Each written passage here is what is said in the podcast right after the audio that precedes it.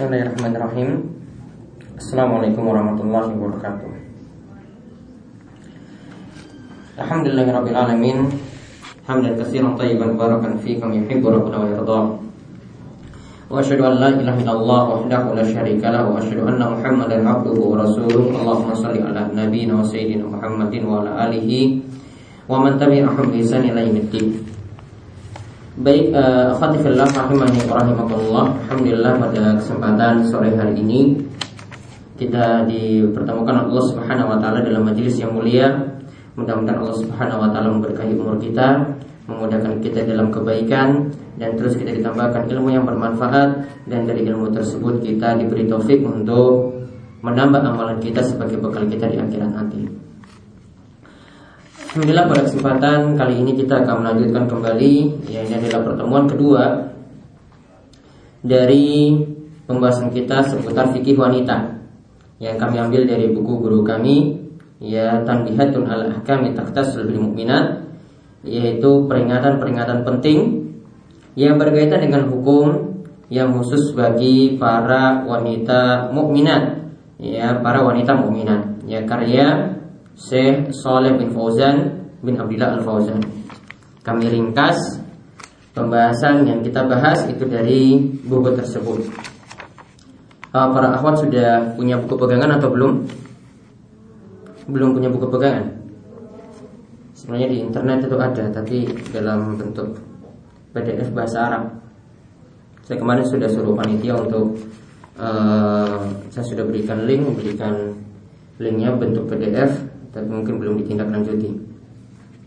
Baik kita lanjutkan pembahasan kita. Yang terakhir kemarin kita bahas Tentang kemuliaan wanita Di dalam Islam Yaitu pada masa Islam. Kita bandingkan Antara Kemuliaan wanita di masa sebelum Islam Dan masa sesudah Islam.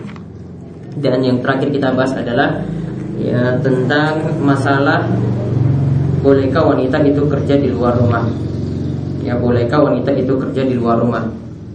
Ada yang kemarin sudah mencatat ya ada empat poin yang perlu diperhatikan jika wanita ingin bekerja atau ingin berada di luar rumah.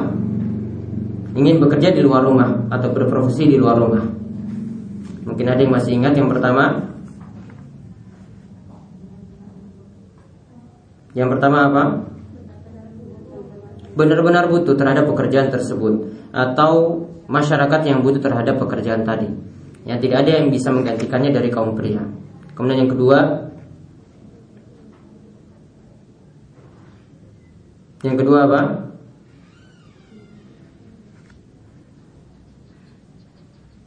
Yang kedua nggak catat?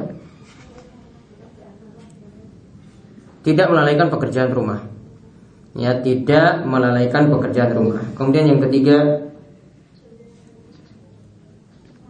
bekerja di lingkungan khusus wanita. Ya, jadi bekerja di lingkungan khusus wanita. Jadi seperti bekerja di madrasah yang di situ adalah mengajarkan juga para perempuan, ya, para wanita tidak campur baur situ dengan laki-laki. Kemudian yang keempat apa yang keempat? Yang keempat.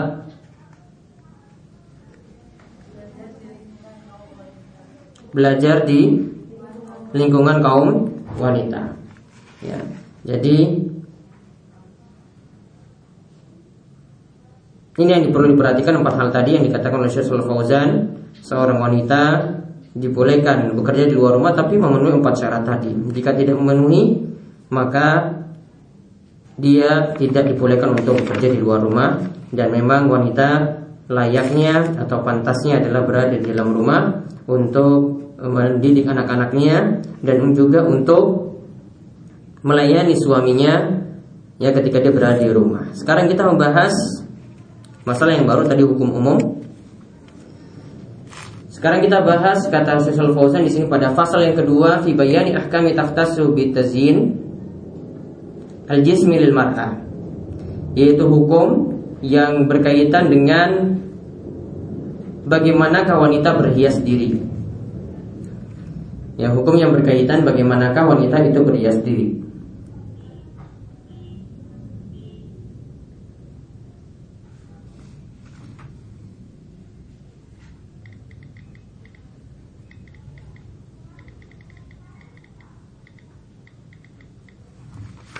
Baik, kita lihat Poin pertama yang beliau jelaskan di sini adalah para wanita itu dituntut melakukan sunnah sunnah fitrah. Ya para wanita itu dituntut untuk melakukan sunnah sunnah fitrah. Dan yang perlu diperhatikan di sini ya para akhwat sekalian yang dimaksudkan dengan sunnah fitrah itu adalah ajaran turun temurun dari para nabi.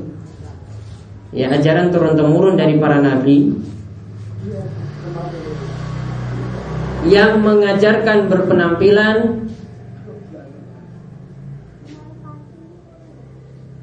yang baik, mengajarkan berpenampilan yang baik dan penampilan yang bersih. Jadi itulah yang dimaksudkan dengan sunnah fitrah.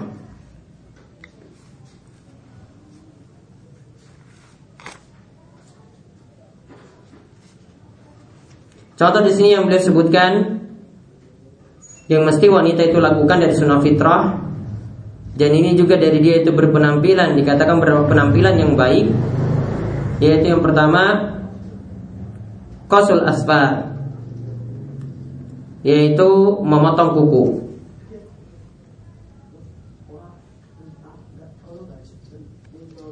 Dan kata Syekh Soleh, beliau mengatakan bahwasanya memotong kuku ini adalah bagian dari sunnah atau ajaran Nabi bijma'i ilmi berdasarkan kesepakatan para ulama.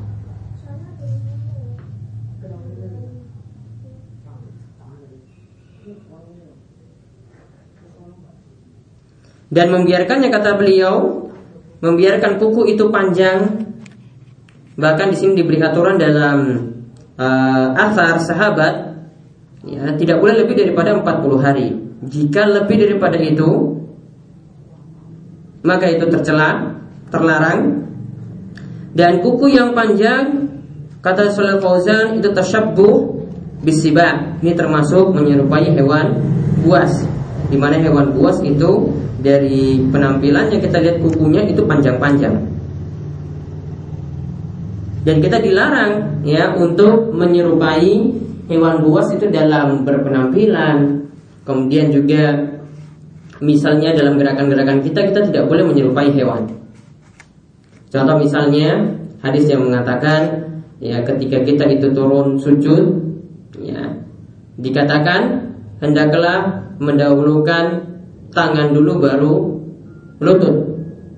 Nah, di antara alasannya karena ini supaya tidak menyerupai hewan yang turun ketika itu dengan uh, sebaliknya.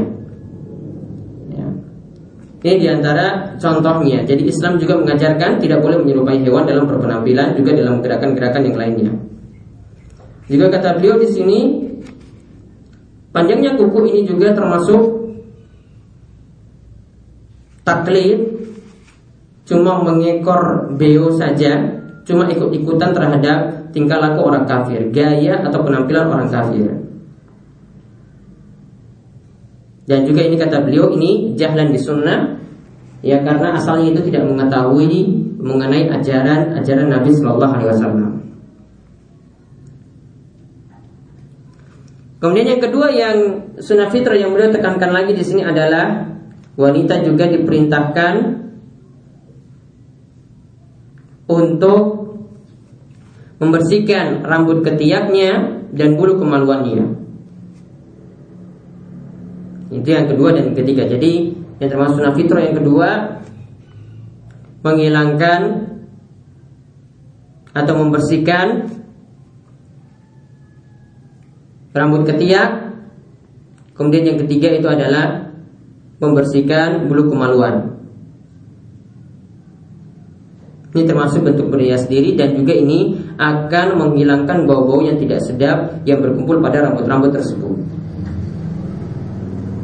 Ya, di sini diberi catatan tidak boleh dipelihara lebih daripada 40 hari. Ya, tidak boleh dipelihara lebih daripada 40 hari.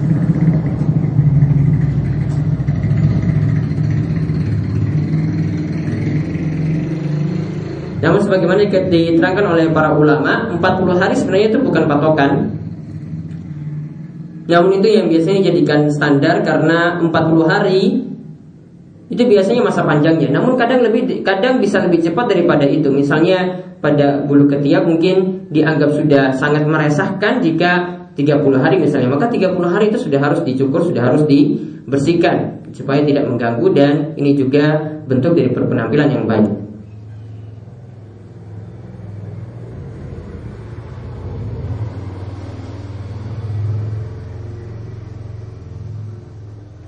Kemudian yang kedua yang beliau perintahkan tadi yang pertama adalah ya beliau katakan di sini dari berhias diri ya hendaklah para wanita itu memperhatikan sunnah-sunnah fitrah.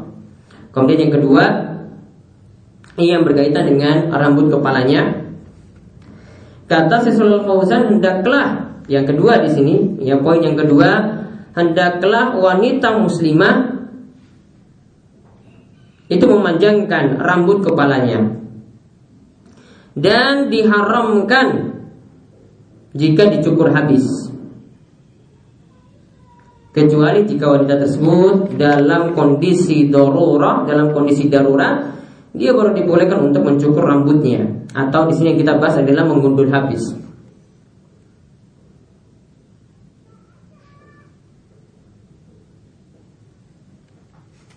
Dan ada perkataan dari Ikrimah ya bahwasanya dia mengatakan yaitu para sahabat dia mengatakan dari para sahabat bahwasanya para sahabat itu mengatakan nah Rasulullah SAW antahlikal mar'atu ra'saha yaitu wanita dilarang oleh Rasulullah SAW untuk mencukur habis rambut kepalanya. Jadi sini dihukumi haram. Kecuali tadi apa? Illa darurah, kecuali dalam keadaan darurat.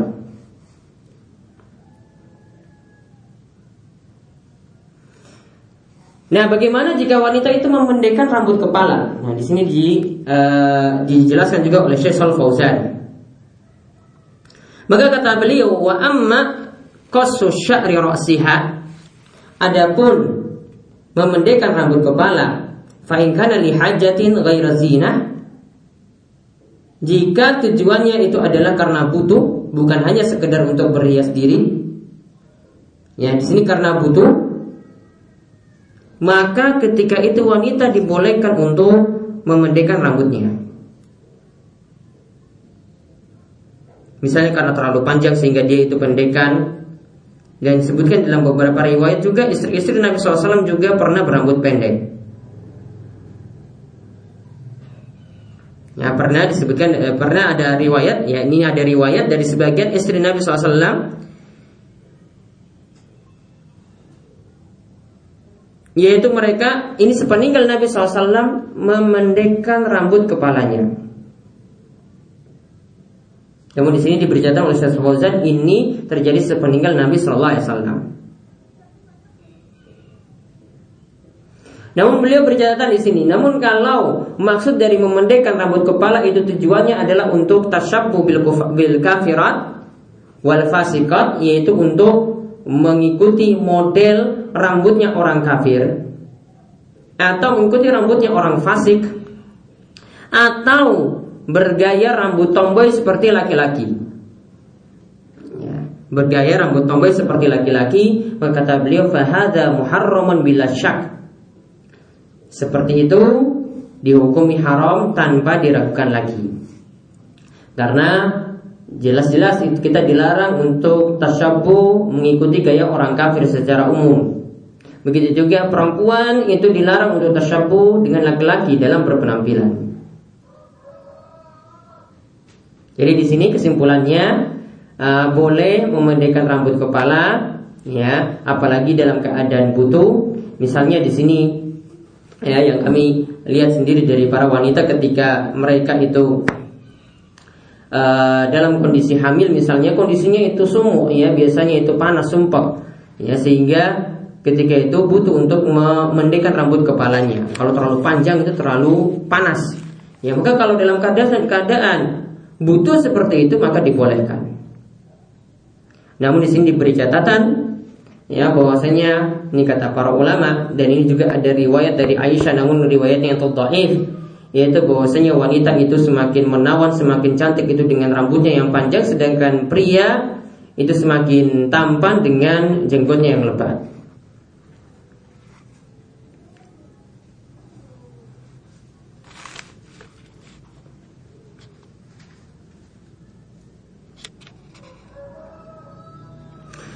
Namun di sini untuk rambut yang panjang, Syaikhul Fauzan juga memberikan catatan fa'alal mar'a ya, bagi wanita hendaklah dia memelihara rambutnya. Namun kata beliau wala yajuzulaha jam'ahu fawqa. Namun jangan wanita tersebut atau tidak boleh bagi wanita tersebut dia mengumpulkan rambut kepalanya itu di atas kepala. Jadi seperti orang yang memakai sanggul seperti itu Dia kan mengumpulkannya di atas kepala Itu tidak boleh.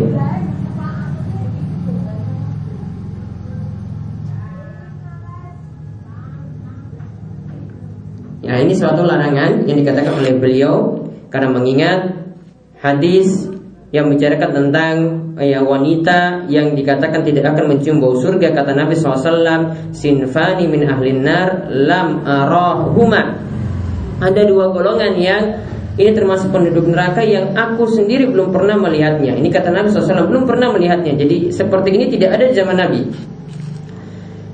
Ya, di antaranya di sini yang kedua yang beliau sebutkan wanisa unkasiyatun ariyatun ma'ilatun mumilat ru'usuhunna ka asnamatil buhtil ma'ilah. Yaitu wanita yang punya sifat di sini ya yang pertama punya sifat kasiyatun ariyat Yaitu berpakaian namun ariyat namun telanjang. Ya, dia berpakaian namun telanjang.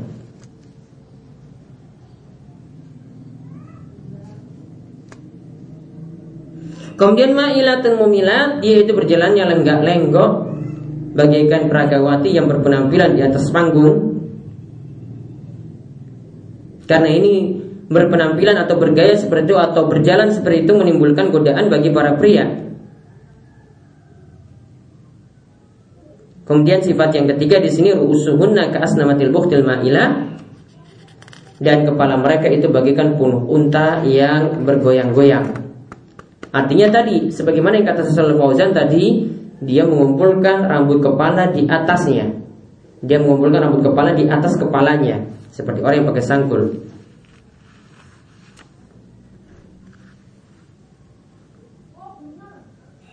Bahkan untuk orang yang menyambungkan rambut seperti itu, ini dikatakan dalam hadis yang lainnya, yaitu dalam hadis Sahihain diriwayatkan oleh Imam Bukhari dan Muslim, la'ana Rasulullah SAW al-wasila wal mustausilah. Yaitu Nabi SAW itu melaknat orang yang menyambungkan rambut dan orang yang meminta untuk disambungkan rambutnya. Nah ini juga tercela. Jadi hati-hati di sini para wanita ketika ingin berpenampilan jauhilah berpenampilan rambut seperti itu. Ya, biasanya dipaksa nanti ketika mau akan nikah. Ya, ini tolong dipakai sanggul seperti ini, yang modelnya seperti ini biar kelihatan ayu, kelihatan cantik dan seterusnya. Padahal ini di antara bentuk penampilan yang dia terlarang. Ya, cukup wanita itu menutup kepalanya itu tadi dengan hijab yang sempurna, tidak perlu menambah lagi dengan hal-hal yang Allah dan Rasulnya SAW itu murkai.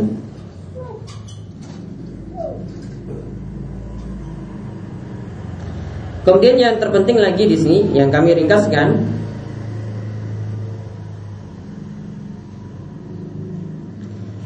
Yaitu kata beliau juga dalam berpenampilan Wanita tidak boleh mencukur alis. Ya, tidak boleh mencukur alis mata.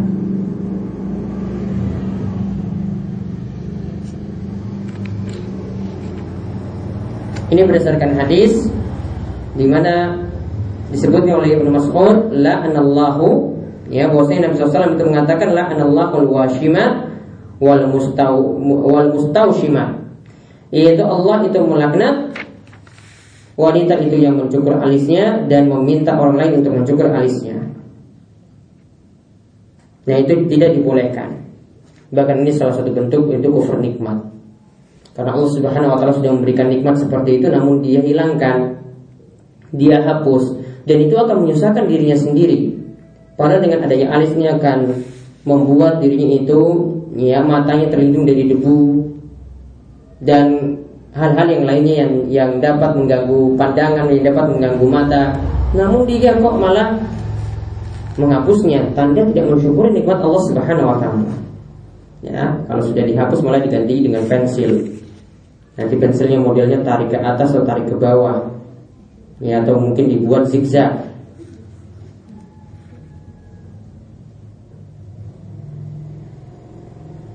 Ya jadi ini yang juga Syekh Shalal Fauzan ditekankan dilarang mencukur alis.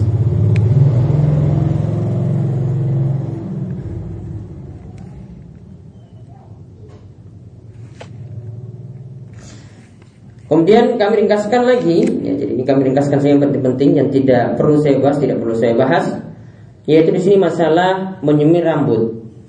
Bolehkah wanita itu menyemir rambut? Nah, perlu dipahami bahwasanya menyemir rambut itu baru dibolehkan ketika seseorang itu rambutnya sudah beruban. Ya, ketika seorang itu rambutnya sudah beruban. Bahkan ini disunahkan Yang masuk kami pertama ini adalah ini disunahkan Yaitu jika rambut sudah beruban Maka boleh disemir, diwarnai dengan warna selain hitam Namun dengan warna selain hitam ini warna-warna yang wajar. Jangan kalau sudah sepuh malah rambutnya diberi warna biru. Rambutnya diberi warna pink misalnya. Ya, warnanya cuma yang wajar-wajar saja. Warna untuk memirang rambut ya. Dan di sini ditekankan jauhilah warna hitam. Jadi tidak boleh pakai warna hitam. Selain warna hitam itu boleh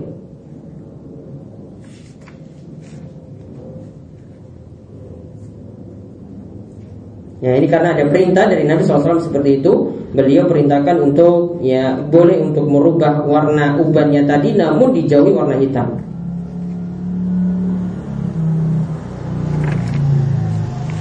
Nah Adapun di sini Bagaimana jika ya ini kan yang biasanya model para wanita saat ini ya. Ini yang nom-nom yang muda-muda, remaja-remaja yang ingin bergaya biasanya kan merubah warna rambutnya yang sudah hitam ini ingin dirubah dengan warna lain, boleh atau tidak? Maka Syaikhul Fauzan di sini mengatakan wa amma sibghul mar'a li sya'ri ra'siha al-aswad kalau wanita sudah memiliki rambut warna hitam lalu dia ingin menyemirnya dia ingin merubahnya liyatahawwala ila launil akhar untuk dijadikan warna yang lain.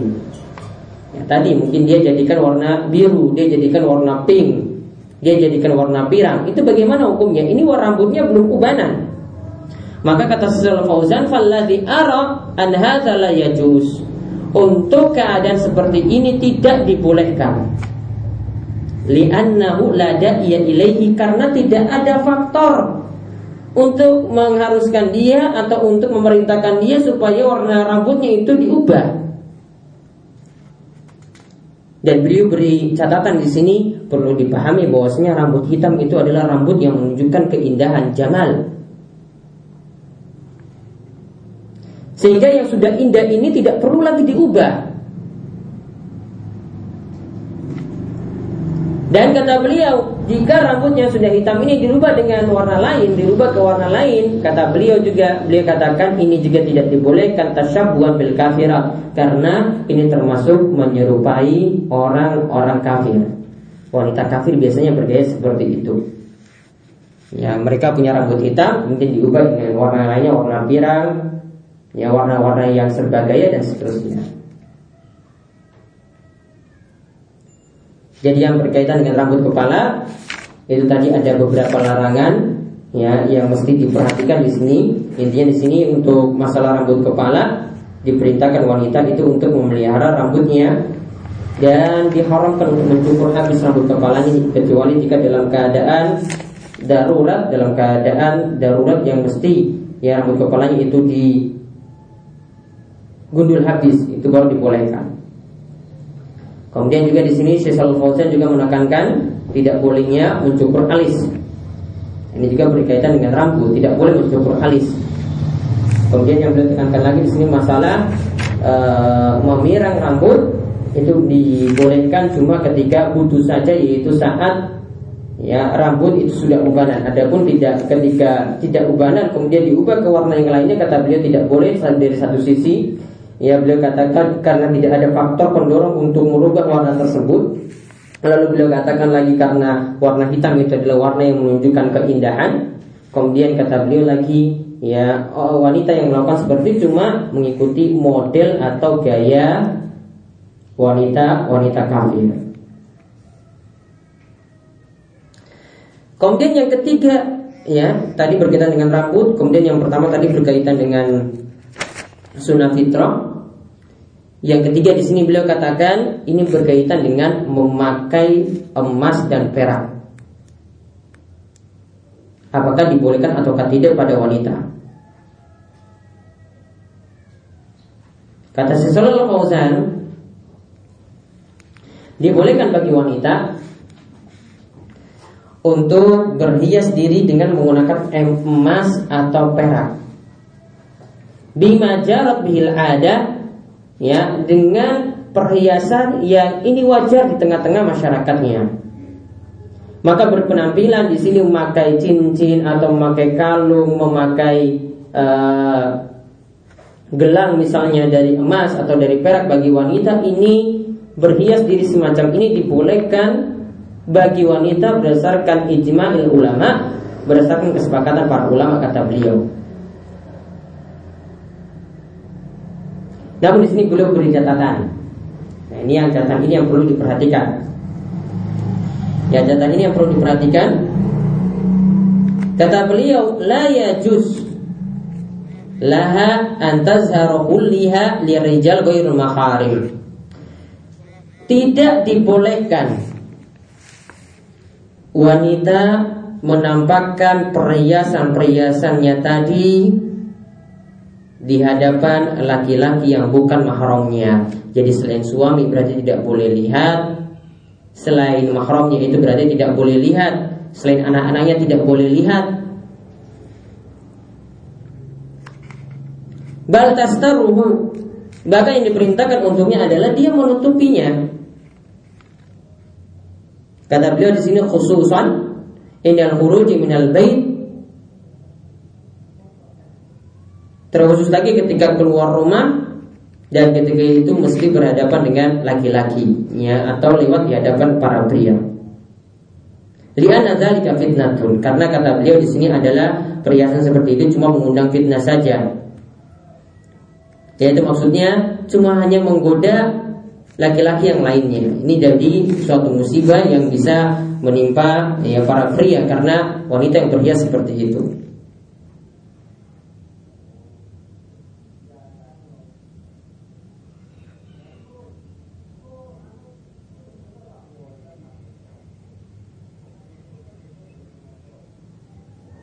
Dan kata Saleh Fauzan di sini beliau katakan juga bahwasanya suaranya ini ya suara gelangnya mungkin dia pakai gelang yang bersusun-susun sehingga punya suara dan itu dia pakai di kakinya misalnya wanita tersebut. Bahkan kata beliau ini ya beliau sendiri Saleh Fauzan itu melarang sampai suaranya terdengar di hadapan laki-laki ya sampai suaranya terdengar di hadapan laki-laki. Maka kata beliau fakih bihal zahir. Maka tentu saja untuk perhiasan yang dinampakkan ini bukan suaranya ini dinampakkan langsung perhiasannya gelangnya tadi ya. Kalungnya tadi misalnya. Atau emas-emas yang dia miliki. Maka tentu saja yang dinampakkan dia nampakkan ini jelas-jelas lebih terlarang lagi. Nah, jadi di sini Nah ini artinya di sini beliau katakan pokoknya wanita untuk berhias diri ini dibolehkan. dengan emas dan perak. Kalau laki-laki dilarang menggunakan emas. Ya, namun perak masih dibolehkan. Sehingga misalnya untuk masalah di sini yang terjadi di masyarakat tengah-tengah masyarakat kita misalnya tukar cincin ya emas dengan emas laki-laki tidak boleh menggunakannya ya laki-laki tidak boleh menggunakannya laki-laki tidak boleh menggunakan emas bahkan pernah Nabi SAW itu memaksa kepada seorang laki-laki untuk melepaskan emas yang ada di tangannya ya emas yang ada di jarinya karena dia punya sendiri dengan emas itu tidak dibolehkan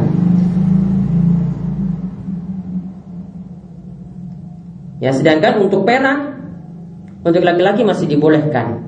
Ya, untuk perak itu masih dibolehkan. Kemudian juga dalam masalah berhias seperti ini dalam masalah pakaian misalnya, ini yang membedakan laki-laki dan perempuan. Kalau laki-laki ya tidak dibolehkan warna merah, warna merah yang polos. Ya, laki-laki itu tidak boleh dibolehkan warna merah yang polos.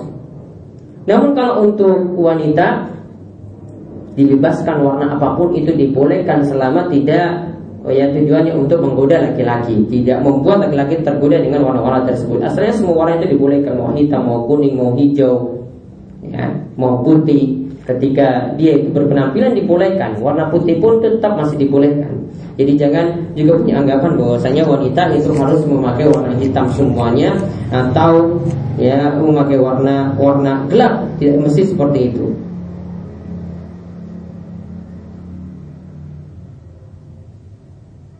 Ya, jadi di sini ini yang beliau tekankan dalam masalah ini. Ini yang poin kedua yang beliau jelaskan. Kami ringkaskan saja sampai tiga poin tadi. Ini jadi beliau ingin jelaskan berias diri pada badan, ya ini pada wanita itu seperti tadi. Yang tadi yang pertama sunnah fitrah, kemudian yang kedua berkaitan dengan rambutnya, kemudian berkaitan dengan menggunakan perhiasan-perhiasan. Artinya perhiasan-perhiasan tadi itu masih boleh asalkan tidak dinampakkan tidak dinampakkan kepada laki-laki yang bukan mahramnya. Yang mungkin untuk pertemuan kali ini kami cukupkan karena pembahasan berikutnya, pasal berikutnya ini pembahasan yang butuh uh, konsentrasi dan pembahasan yang panjang yaitu tentang masalah haid dan nifas. Ini Syekh khususkan lagi pada bab tersendiri. Insya Allah kita akan bahas pada pertemuan pekan depan. Tapi uh, di sini ada pertanyaan yang lainnya yang mogok untuk bertanya. Silakan lewat kertas. Kalau ada yang mau bertanya langsung juga dipersilakan. Assalamualaikum warahmatullahi wabarakatuh. Ya bolehkah kunciran rambut Seperti yang ada pada gambar? Ya taib Pada gambar karena merasa panas Atau ketika mandi itu dibolehkan atau tidak? Yang penting bukan di atas tengah-tengah kepalanya Seperti uh, yang kami maksudkan tadi itu di atas kepala. Kalau di bagian bagian seperti itu Allah alam masih dibolehkan apalagi di sini kuncirannya dipakai dalam keadaan panas ya. Namun kalau keluar Ya kalau bisa itu tidak berada di uh, kunciran itu tidak berada di bagian belakang seperti itu, cukup di bagian bawahnya saja. Yang lainnya monggo ingin tanyakan yang pertemuan yang lalu juga dipersilakan atau yang masalah lainnya monggo.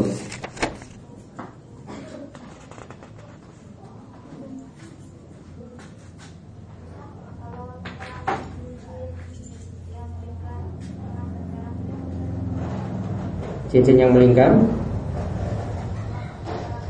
Apakah dibolehkan atau tidak? Pada wanita. Ya tapi uh, beberapa dalil itu menunjukkan bahwasanya ya untuk perhiasan melingkar pada wanita tetap dibolehkan. Sama sekali tidak terlarang. Ya pernah ada seorang wanita yang dia itu memiliki seorang putri dan ketika itu Nabi SAW itu menghampiri mereka. Ketika itu Nabi SAW melihat perhiasan pada anaknya ya namanya perhiasan ya berarti melingkar. Ya dia punya perhiasan yang dia pakai ya. entah di sini cincin atau entah di sini gelang pokoknya dia pakai perhiasan tersebut. Kemudian Nabi SAW melihat Nabi SAW itu bertanya apakah emas ini sudah engkau keluarkan zakatnya? Apakah emas ini sudah engkau itu keluarkan zakatnya?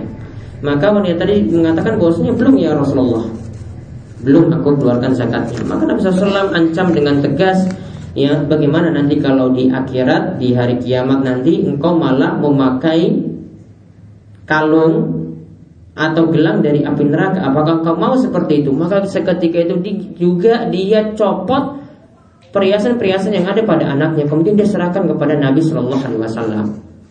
Ini jadi dalil menunjukkan bahwasanya ada zakat dalam perhiasan tadi dan ini jadi dalil bahwa Nabi SAW tidak menegur yang melingkarnya, namun karena tidak ada zakatnya. Jadi melingkarnya tadi yang namanya gelangnya, kalungnya, atau cincinnya yang dia miliki tidak ada masalah. Adapun pendapat sebagian ulama yang melarang hal ini, Allah alam itu adalah pendapat yang lemah dan menyelisih pendapat jumhur atau mayoritas ulama. Jadi yang roji yang kuat masih dibolehkan. Ada lagi yang lain.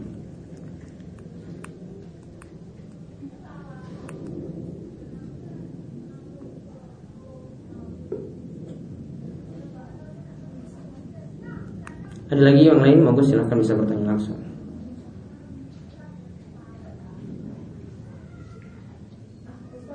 Iya.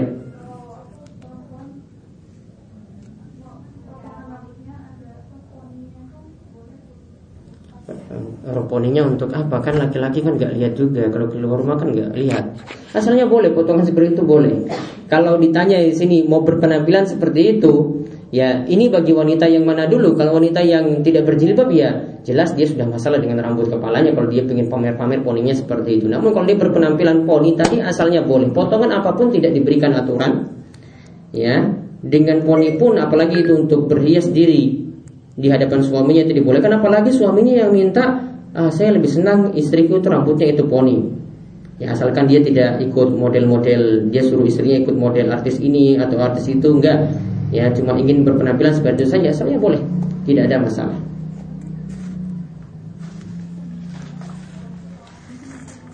Ada lagi yang lainnya? Cat rambut seperti apa yang dibolehkan? Apakah tidak menghalangi air? Nah ini ini saya belum beri catatan kalau bisa cat rambut itu yang diperhatikan adalah jangan sampai cat rambutnya itu nanti akan membuat lapisan baru di rambut sehingga nanti menyulitkan air untuk masuk ke dalam rambut tersebut ya tidak terkena dari permukaan dari rambut.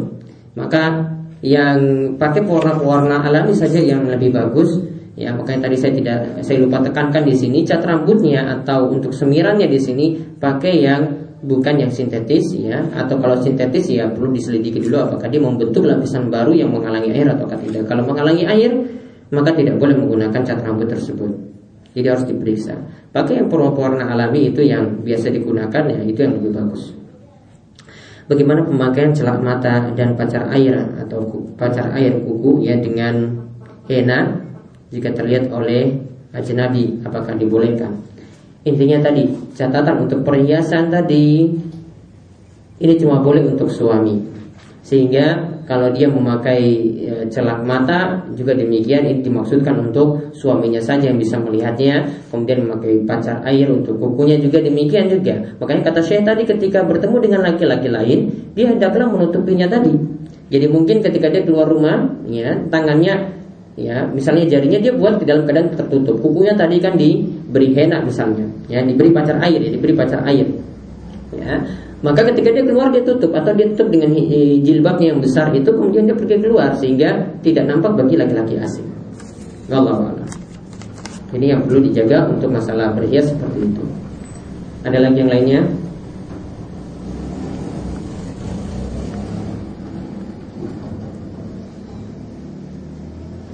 Iya.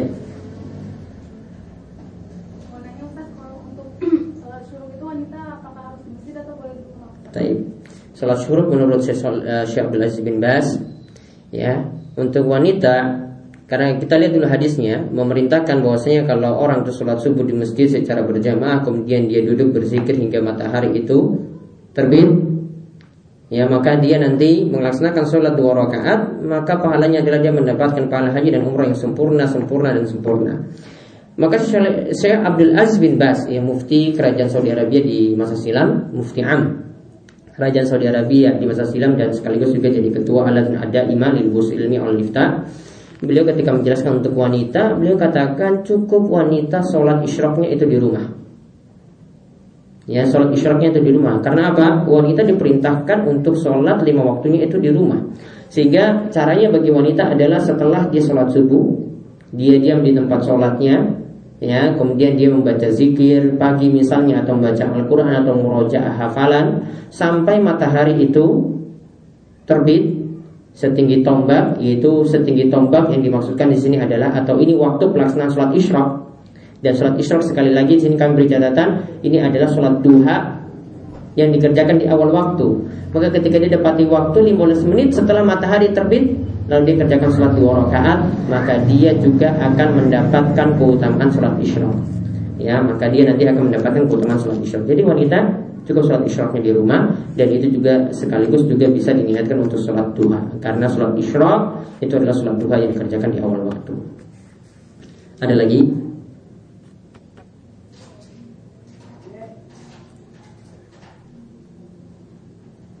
ada lagi yang bertanya? Iya.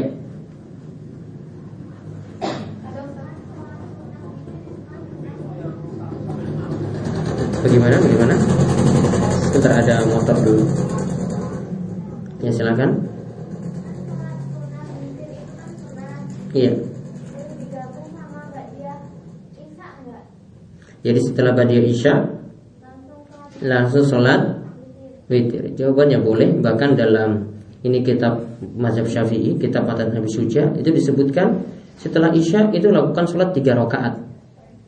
Dua rakaat itu untuk sholat dia isya satu rakaatnya itu untuk witirnya. Jadi beliau sudah bolehkan di situ langsung setelah isya itu langsung sholat witir. Dibolehkan seperti itu. Jadi sholat witir itu ada dua waktu mengerjakannya. Boleh dikerjakan sebelum tidur sebelum tidur itu maksudnya setelah isya langsung itu juga dibolehkan atau dikerjakan setelah bangun tidur. Ya. Para ulama di sini membahas manakah waktu yang lebih utama. Yang jelas waktu yang lebih utama memang di akhir malam. Namun kalau melihat dari kondisi seseorang apakah yang lebih bagus baginya dia itu kerjakan di awal malam ataukah di akhir malam? Dilihat. Dia itu orangnya itu biasanya murojaah sampai tengah malam sehingga sulit bangun untuk sholat malam ataukah tidak. Kalau memang dia punya kebiasaan seperti itu seperti Abu Hurairah seperti Abu Hurairah maka dia bisa kerjakan sholat witir sebelum tidur. Ini yang Nabi SAW juga wasiatkan kepada sahabat Abu Hurairah. Namun kalau dia mampu untuk uh, bangun di akhir malam sepertiga malam terakhir, maka bagusnya witir dia jadikan di akhir malam. Ya, jadi untuk memilih mana yang lebih bagus itu dilihat dari kondisi seseorang. Namun untuk pertanyaan tadi jawabannya masih dibolehkan kerjakan setelah sholat isya langsung setelah dia isya dikerjakan lagi sholat witir. Ada lagi yang lain? Ya. Sebentar ada motor sebentar ya. Ya di, bisa dikeraskan suara.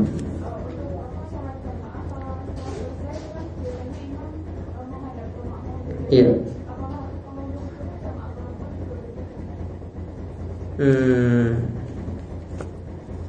jemaah perempuan kan uh, untuk imamnya. Ya perempuannya imamnya ya kan Wallahualam itu cuma berlaku pada laki-laki. Karena jamaah perempuan juga keadaan softnya dia tidak perlu membelakangi. Karena keadaan softnya untuk imamnya kan sejajar dengan makmum yang lainnya. Ya kan? Sudah sejajar dengan makmum yang lainnya. Jadi dia tidak tidak punya pos, tidak perlu posisinya seperti itu. Karena tujuannya juga Nabi SAW itu balik ke arah jamaah. Tujuannya itu adalah untuk melihat kondisi jamaah. Mungkin ada yang ini kok kemarin datang sholat jamaah kok ini beberapa hari tidak datang lagi? Di antara tujuannya seperti itu. Ya di antara tujuannya seperti itu beliau memutar balik ke kanan atau ke kiri ya balik kepada para jamaah. Walau ini berlaku pada laki-laki pada jamaah laki-laki. Ada lagi yang lain? Terakhir? Waalaikumsalam warahmatullahi wabarakatuh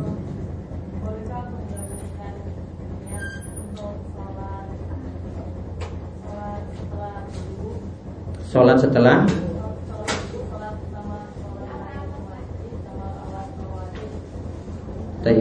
Jadi tiga sholat sekaligus Semuanya sholat sunnah Uh, perlu diperhatikan. Jadi kita lihat tekstual hadis untuk masalah sholat sunnah wudhu, untuk masalah sholat tahiyatul masjid, dan untuk masalah sholat sunnah rawatib. Untuk ketiga sholat ini, ya, untuk sholat yang pertama yaitu sholat sunnah wudhu dan sholat sunnah tahiyatul masjid, itu kalau dilihat dari hadis yang menyebutkannya tidak dimaksudkan untuk sholat sunnah wudhu secara spesifik, tidak dimaksudkan juga untuk sholat tahiyatul masjid secara spesifik. Jadi yang dalam sholat sunnah wudhu misalnya Abu Hurairah cuma mengatakan eh maaf Bilal ketika dia itu dikatakan ditanya oleh Nabi SAW bagaimanakah suara terompahmu itu bisa terdengar di surga? Dia katakan bahwasanya setelah wudhu dia biasanya mengerjakan sholat dua rakaat. Tidak dikatakan di situ dia laksanakan sholat sunnah wudhu namun setelah wudhu pokoknya dia lakukan sholat dua rakaat Salat tahiyatul masjid juga demikian Nabi SAW cuma mengatakan Iza dakhala ahadukumul masjidah fala yajlis hatta yarka'a rak'atain. Ya, jika kalian itu masuk masjid, maka jangan langsung kalian itu duduk, namun hendaklah kerjakan dua rakaat terlebih dahulu. Dua rakaatnya ini apa? Nabi tidak maksudkan secara spesifik. Tidak maksudkan kerjakanlah tahiyatul masjid, namun pokoknya dua rakaat boleh jadi dua rakaatnya sholat sunnah wudhu tadi, boleh jadi dua rakaatnya itu sholat sunnah rawatib. Adapun sholat sunnah rawatib dalam hadis Aisyah ataupun dalam hadis yang lainnya itu disebutkan secara spesifik yang dimaksudkan adalah sholat sunnah rawatib qobliyah subuh, yang dimaksudkan adalah sholat sunnah rawatib qobliyah zuhur. Jadi dimaksudkan secara spesifik sehingga kalau kita masuk masjid misalnya niatannya saya sholat sunnah rawatib langsung. Dan ini saya habis wudhu dan ini saya masuk masjid juga. Maka boleh tiga-tiganya tadi itu digabungkan dalam satu niat cukup sholat sunnah rawatib maka sholat sunnah wudhu sudah termasuk di dalamnya. Dan juga sholat sunnah tahiyatul masjid juga sudah termasuk di dalamnya. Jadi seperti itu dibolehkan. Jadi dilihat dari jenis ibadahnya itu bagaimana. Apakah dimaksudkan untuk ibadah tersebut adalah secara spesifik atau tidak, maka nanti di sini kita bisa misalkan lagi tentang masalah bolehkah menggabungkan antara mandi Jumat dengan mandi sholat Id, bolehkah memandikan menggabungkan antara mandi junub dengan mandi ketika hari Jumat, bolehkah menggabungkan antara kurban dengan akikoh, ya ini dilihat dulu ibadahnya itu dimaksudkan secara spesifik atau tidak. Ya, jadi ini saja yang bisa kami sampaikan. Mudah-mudahan bermanfaat.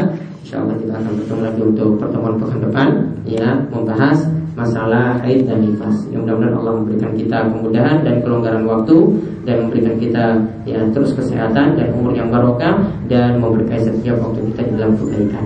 Itu saja yang kami sampaikan. Ya wabillahi taufiq hidayah. Subhanakallahumma bihamdika asyhadu an la ilaha illa anta astaghfiruka wa atubu ilaik. Wa sallallahu ala nabiyyina Muhammadin wa ala alihi wa sahbihi ajma'in. Walhamdulillahi rabbil alamin.